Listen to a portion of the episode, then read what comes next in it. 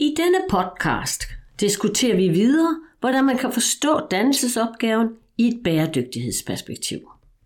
Vi vil forsøge at komme nærmere på, hvordan opgaven kan gribes an som en egentlig erfaringslæringsproces, både i børne, ungehøjde og i voksenhøjde. Vi ser erfaringslæring som en rejse, hvor ny læring og ny erkendelse må tage afsæt i den erfaring om verdens, vi har, med henblik på, at vi rejser ud og møder vores verdens udfordringer miljømæssigt og samfundsmæssigt. Alt sammen med henblik på, at vi sættes i stand til at koble hidtidig erfaring med ny erkendelse, så vores børn og unge og vi selv får mod på at handle i forhold til vores nutids og fremtids miljømæssige og samfundsmæssige udfordringer. Gorm har tidligere antydet nødvendigheden af, at vi skal gå efter noget andet. At nu skal børn ikke blive så dygtige som muligt, men, og vi skal ikke konkurrere om de bedste karakterer. Men hvad vil det sige? Hvad vil det sige at gøre noget andet? At skabe et nyt grundlag for, øh, at børnene kan bidrage til hele verdens vækst? Hvad vil det sige? Hvordan gør man det? Har du et bud, Lars? Jamen, jeg tænker jo, det må jo handle om, at vi vil lære børn og unge, og sådan set også os selv, at nå til en ny erkendelse. Øh, og her, der er det jo en erkendelse af bæredygtighedsansvar, vi taler om.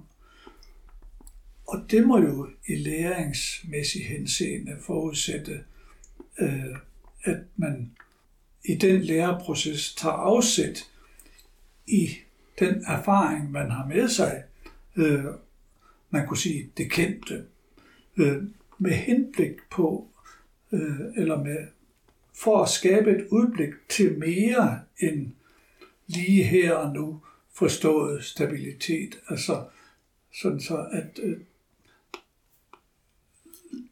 den dannelsesproces må være en bevægelse fra øh, øh, det, vi kender, til øh, at øh, tage fat på at, at lære om det ukendte. Noget, der er ukendt.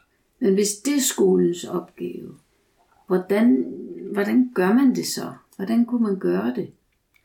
Man kan jo sige, at det er sådan set al erfaringslæringsmotor. Øh, altså den der ubalance mellem øh, det kendte øh, og det ukendte. Øh, at øh, lære noget nyt, og det her, det er grundlæggende noget nyt, vi skal lære os. Øh, jamen, det må jo være ens betydende med, at man bevæger sig, eller bliver bevæget fra et kendt sted og begiver sig på rejse i et hidtil ukendt og uerkendt terræn. Og det er jo den fremtid, som hvis ikke vi forholder os øh, med viden øh, og øh, øh, kundskab til den, jamen så vil den komme til at stå som en, en øh, trussel. Øh, men vi skal jo lære at se på fremtiden som en, som vi også selv kan være med til at påvirke. Øh, og det er det, børn og unge skal lære, tænker jeg. Hvad, hvad er det for processer, der skal foregå i skolen, for at det kunne komme til stede? Har du et bud, øh, Jacob, på, hvad, hvordan kan man gøre det her? Ja, jeg tænker, der er jo mange bud, men, men, men måske skal man, skal man finde frem til som skoleeksperimentere sig frem til nogle faste øh, måder at forstå øh, læringsforløb på. Altså med afsæt i det, Lars siger, så så starter man jo i noget kendt, og man skal ud i noget ukendt. Øh, og det vil sige, at, at det at, det at tage livtag med det, det er jo så at være i, i noget, man ikke ved noget om, eller kun ved lidt om. Eller, og hele det med zonen for nærmeste udvikling, altså det må jo være sådan en læresætning ind i det, at man ikke går for langt, fordi så er man helt lost, men man må heller ikke blive hjemme i sin comfort zone hele tiden som det lærende barn. Fordi så sker der ikke så meget nyt. Så man skal ud og blive, blive påvirket, og så skal man tilbage og finde ud af, hvordan er det, hvordan har det her passet til mig? Hvad har jeg fået ud af det? Og det vil jo kræve nogle metoder og nogle måder, som børn øh, bliver mødt af de voksne på, og ind i fællesskaber bliver mødt på, sådan så erfaringerne med det ukendte bliver til det Lars siger med ny erkendelse, ny lærdom, øh, ny viden, nye færdigheder. Hvis jeg skal forstå det, er det, er det så muligt for skolen at opstille forskellige typer læringsrum? Kan man forstå det sådan? Det kunne man godt sige. Man, man kunne også sige, når lærerne og pædagogerne skal udvikle den skole, så skal de starte med at synge Ole sad på en knold og sang, fordi den har sådan set den fortælling, øh, at det hjemlige og kendte, det kan man sige, det, det, der, det er vores udkigspunkt. Øh, men det er jo med anlæg på at se ud i verden og erobre verden. Når vi så er derude, så kan det godt være, at vi får en trang til at komme hjem med det, vi så har lært derude, med anblik på for at få det gjort til det, man vil kalde en internaliseret erfaring. Øh, så, det, så læring i den her betydning, det vil være en evig pendulering mellem at rejse ud i det ukendte og gøre sig nye erfaringer med henblik på at konfrontere de nye erfaringer med det, man har med sig i bagagen. Øh, og det kan nogle gange være smertefuldt, øh, fordi det kan jo nogle gange indebære, at man er nødt til at forkaste det, man har med sig i bagagen, fordi man har mødt noget, der var så udfordrende, at tingene ikke stemmer, stemmer, stemmer med hinanden. Men det kan man sige, det er, jo, det er jo det, vi skal prøve at indarbejde i skolen. Den der motor mellem, øh, den erfaringslæringsmotor, der er mellem øh, at være i det kendte, være forankret i det, med henblik på at rejse ud, for så at komme hjem igen og internalisere den nye erfaring. Og når man rejser ud, og man skal skille, adskilles fra det, man kom fra, det kan jo øh, initieres flere steder fra. Det kan initieres indefra, fordi man selv bliver nysgerrig på noget, har lyst til at udfordre noget og møde noget nyt. Men det kan også initieres udefra, at der er nogen eller noget, der, der kalder, øh, og dermed øh, at gøre, at man får lyst til at vandre ud og, og, og, og undersøge og møde det her nærmere. Men det kan også være en voksen, der siger, det her, det skal du lære, det her er pligten her i den kontekst, vi er i. Så jeg tænker, adskillelsen, det vi tager afsæt fra, det er dels styret af en lyst, og dels styret af en pligt. Men hvis jeg helt skal forstå det og tænke sådan skolens rum øh, og struktur, altså hvordan kan jeg så, øh, det, vel, det foregår vel ikke i det samme rum, det her, at man gør det ene eller det andet, eller hvordan kan jeg forestille mig det?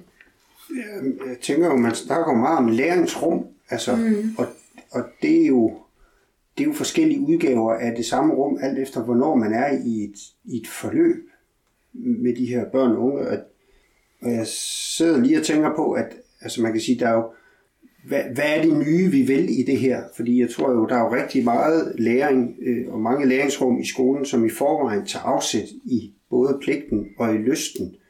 Øh, men hvad man kan sige, hensigten med det der med at internalisere, altså jeg tror det er i virkeligheden det rum i sådan en, i en række af, af, af læringsrum, som bliver rigtig vigtigt, at man får mere fokus på, så det ikke er overladt til det enkelte barn eller det enkelte fællesskab, ligesom at finde ud af, hvordan passer det her til mig.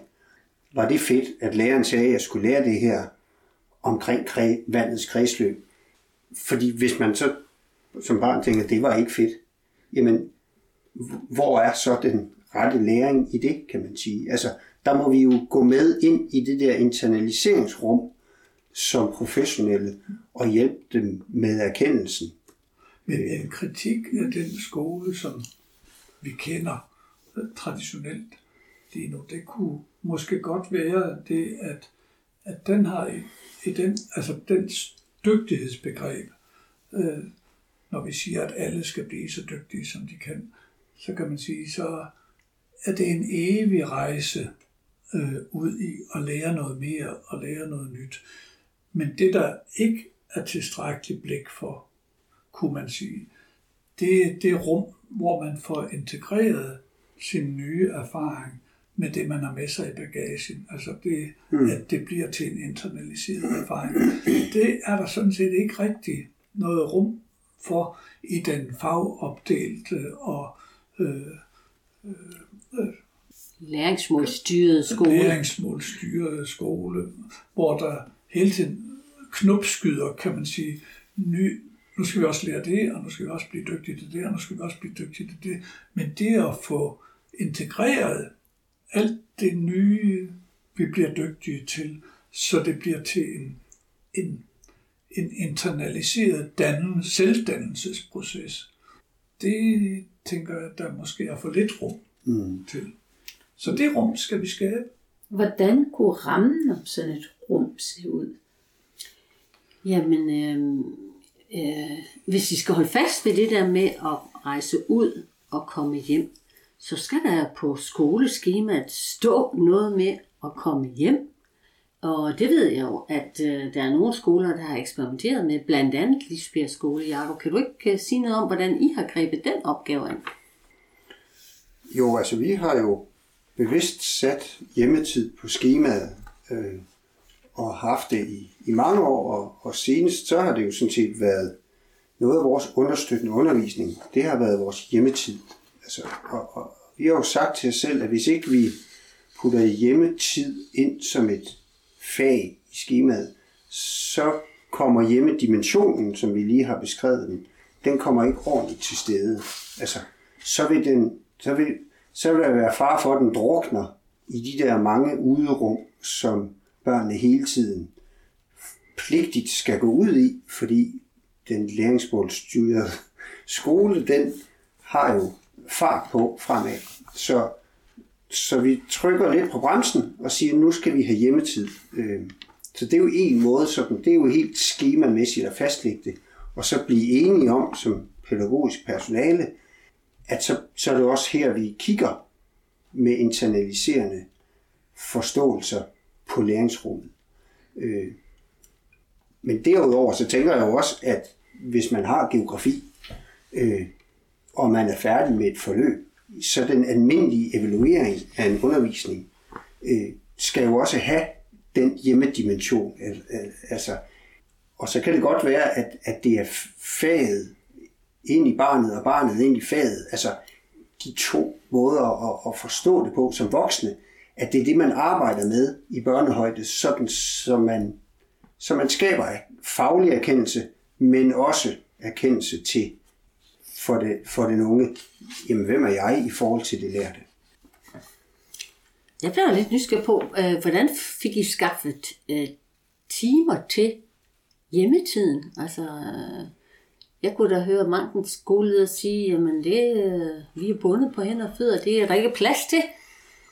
Ja, altså der var den understøttende undervisning, som kom med skolereformen der i, i 14, var det vel.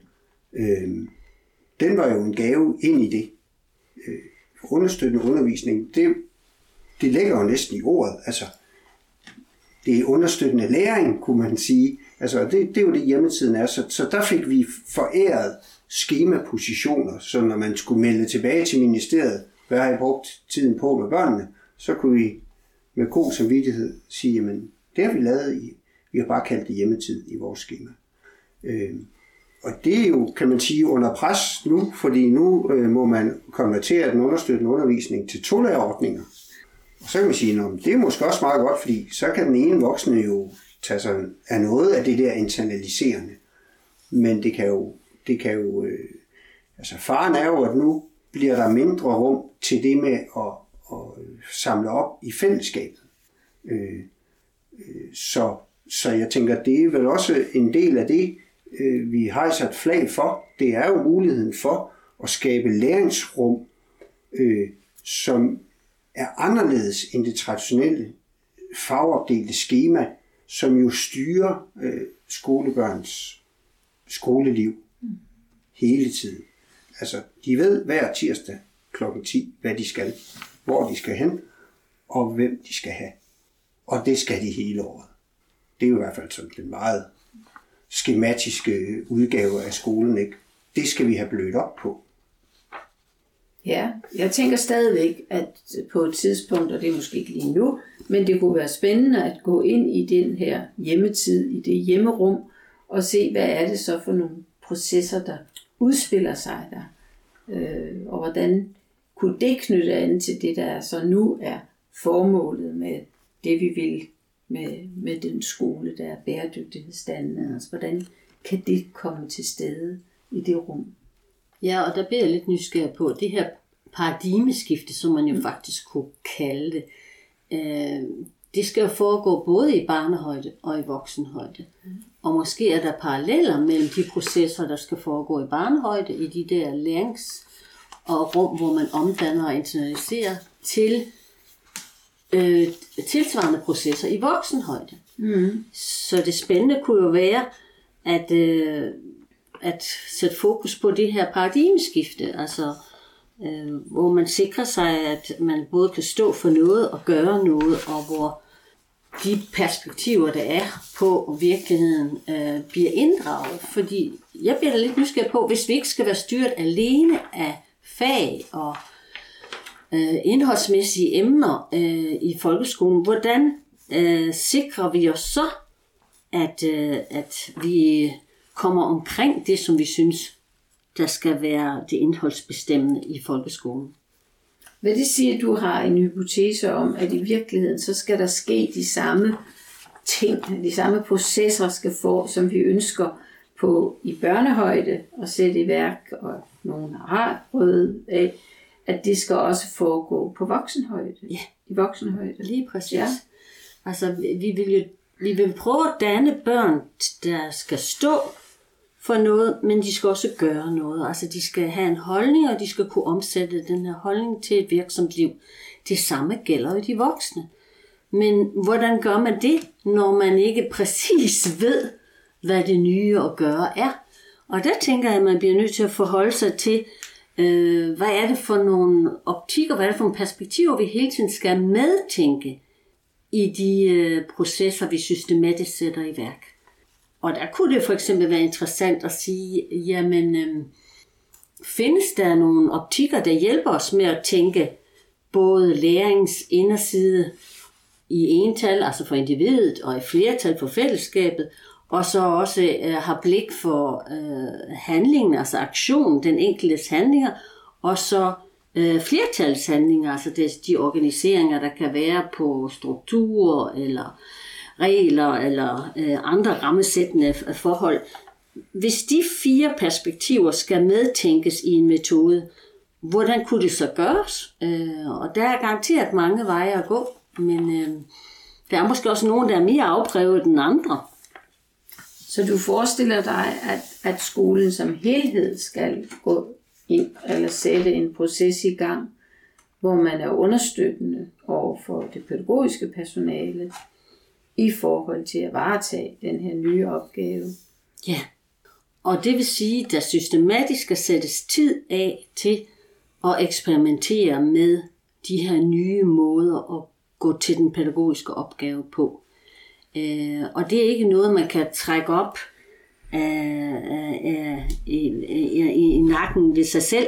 Det bliver man nødt til at få hjælp i et fællesskab til at få reflekteret og kvalificeret. Så jeg tænker, der skal nogle systematiske metoder til, øh, hvor man både bliver klog på, hvad er det, man vil adskille sig fra. Altså, hvad er det for et projekt, man har for i sin pædagogik. Hvad er det, man vil ud og møde og gøre erfaringer med, for at kunne vende tilbage til det her rum og få hjælp til at samle op på det og omdanne det og få, trække en lærer ud af det, og dermed også kunne finde ud af, hvad er det så, jeg kan gøre nu, før man så går ud og eksperimenterer kvalificeret forhåbentlig øh, i den næste periode.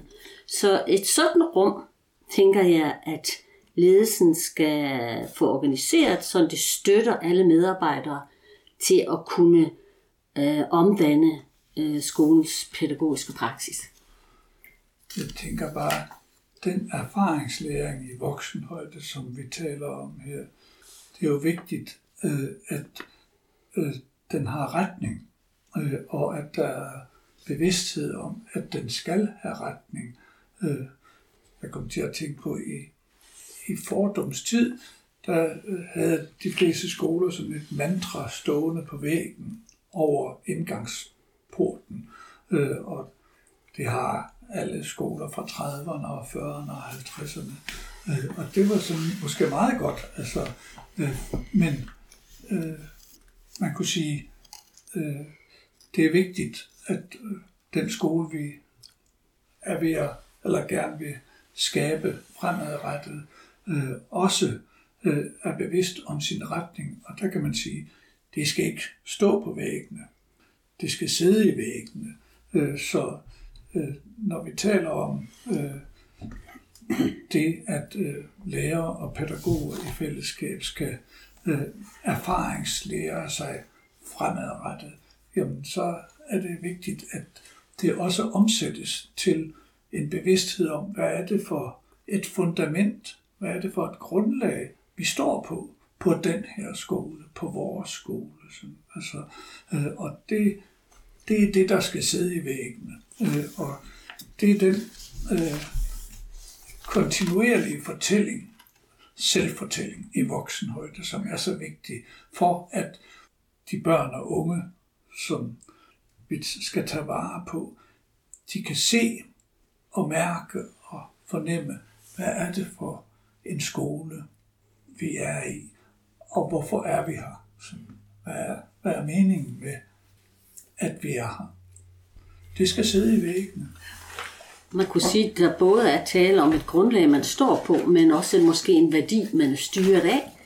Øh, jo, man kan sige, det er et grundlag, vi står på, og det er et udkigspunkt for at se ud i verden. Sådan.